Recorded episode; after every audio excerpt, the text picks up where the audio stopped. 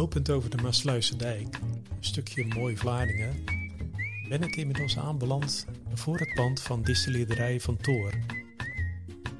En ik ben dan ook erg benieuwd hoe de huidige eigenaar Leo Fontijnen aankeek tegen het opvolgen van vier generaties Van Toor.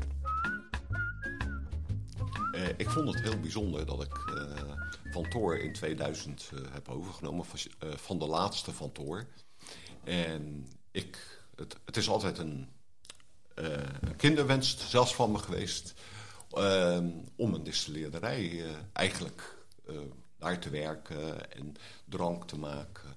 Ik, ik vond het altijd iets magisch. Ja. Want ik kom van oorsprong, eerlijk gezegd, uit Schiedam. Maar ik heb de laatste Vlaardingse distilleerderij gered. En ik ben opgegroeid tussen de distilleerderijen. Schiedam weet dus de Vlaardingse distilleerderij te redden. Maar wat kan Leo vertellen over de start van de familie van Toor? Op de markt zijn ze van oorsprong dus eh, begonnen met het, uh, met het in 1883 met het maken van boerenjongens en uh, boerenmeisjes, advocaat. En van Lieverlee kwamen er allerlei andere producten bij. En rond 1900 zijn ze schelvispekel gemaakt voor, die, voor de Vlaardingse vissers.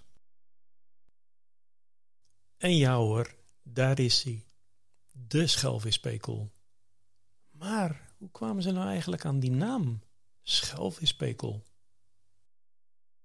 Het, het verhaal wat, uh, wat ik heb gehoord is dat de Vlaardingse vissers vis ruilden voor specerijen.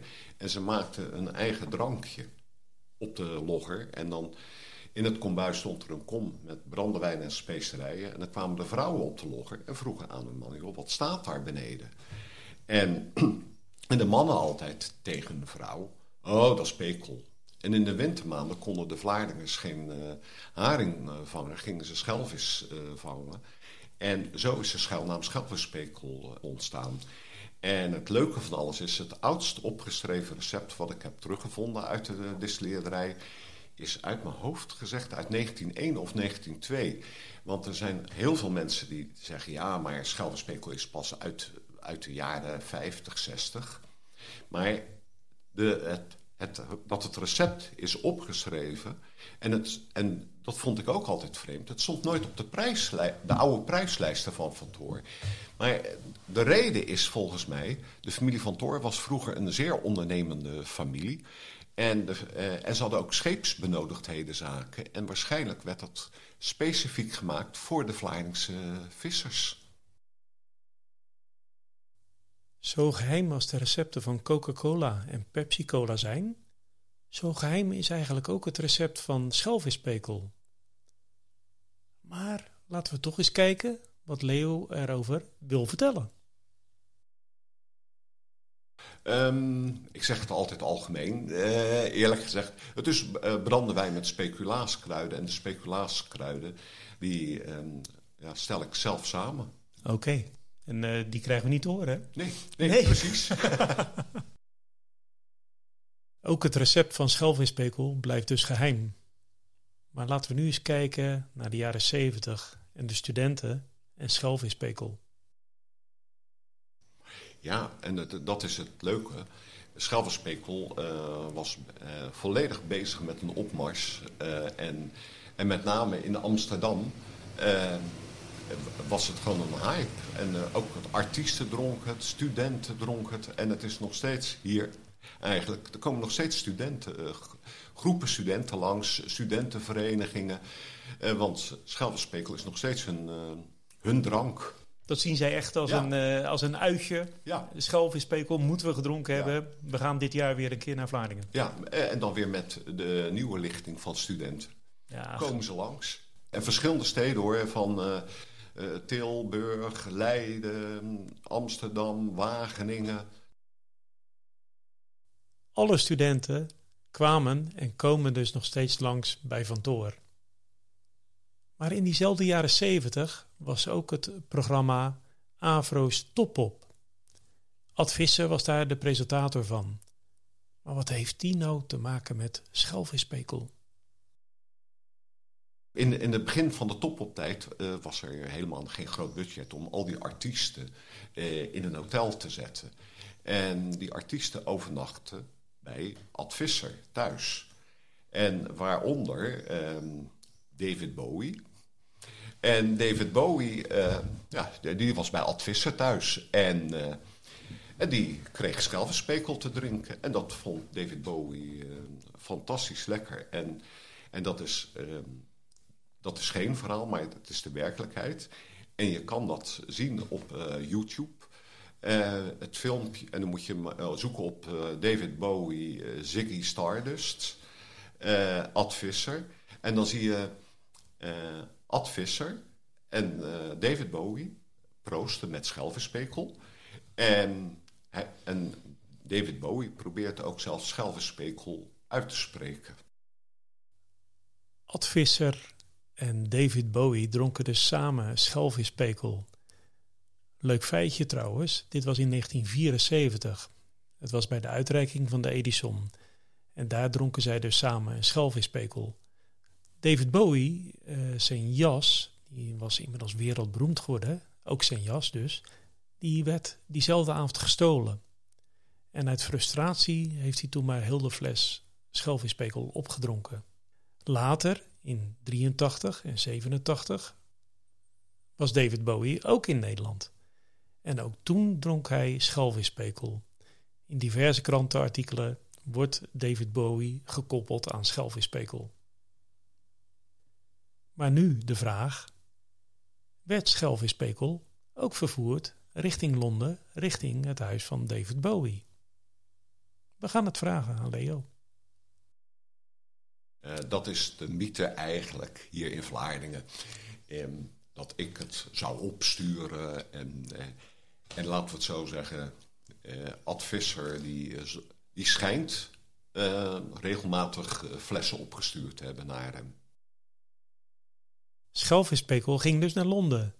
En Leo? Leo was er eigenlijk om twee redenen blij mee. En het leuke van alles is, uh, David Bowie vond ik gewoon ook in, in, mijn, in mijn middelbare schooltijd al hartstikke gaaf.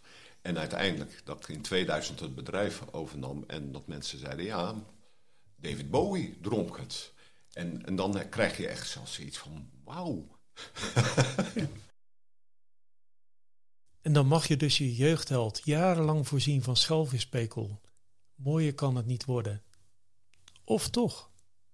2008 wordt het bedrijf ineens hofleverancier. Hofleverancier? Een eenmanszaak?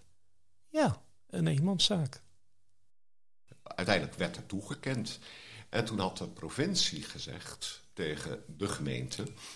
en de gemeente weer eh, tegen mij... Uh, ze vonden het zo vreemd dat koningin Beatrix gewoon eh, nou ja, een eenmansbedrijf eh, het hofleverancierschap gaf. Want dat kwam nooit voor. En, en dan begint het gegis. Waarom heeft ze het nou gedaan? En er zijn heel veel leuke anekdotes uh, daarover.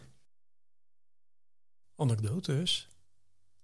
Nou, Leo, dan willen we ze graag horen ook. Prinses Beatrix en prins Klaus die waren uh, bij de heropening van het Visserijmuseum. En het, is echt een, eerlijk gezegd een bijzonder verhaal, want die man die mij dat vertelde, eh, hij, hij mocht dus daar bij de heropening van het Visserijmuseum schelvenspekels schenken. Daar komt prins Klaus binnen en uh, dat wordt door hem gevraagd van, uh, hè, met, uh, ja, ik ben daar niet zo goed in met de aanspreektitels, maar wilt u ook een schelvenspekeltje? Hij zegt, ja, dat is goed. En Prins Klaus gaat zitten.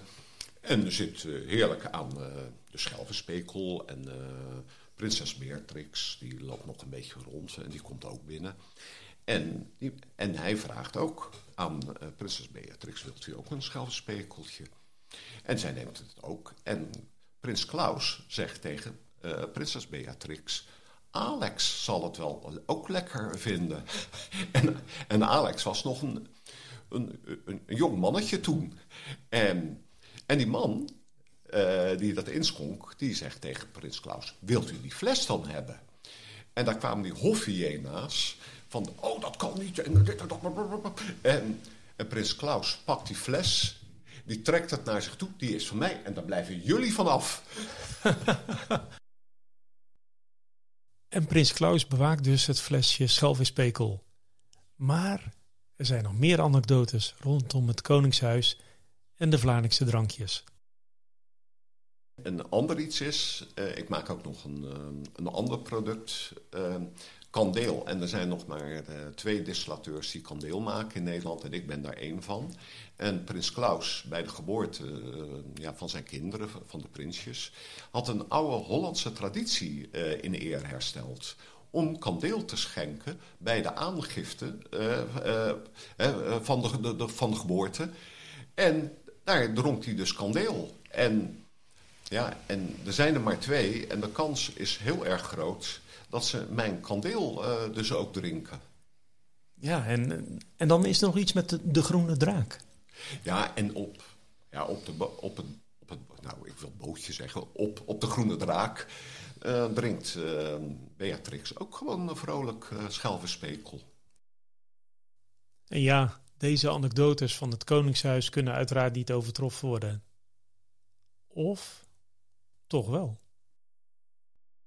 Precies. En er is nog een uh, groep, een Amerikaanse groep, die helemaal weg is. Schelvenspekel, de Red Hot Chili Peppers. Wow. Als, als zij in Nederland zijn, nou, dat zijn ze na het optreden. Uh, dat heb ik dus ook gehoord van de fotograaf die hun fotografeerde. Maar dan zijn ze helemaal um, uh, een beetje heen van de Schelvenspekel. En heel eerlijk gezegd, Prins Philip die dronk ook een, een bepaalde merk gin van mij. De VL92.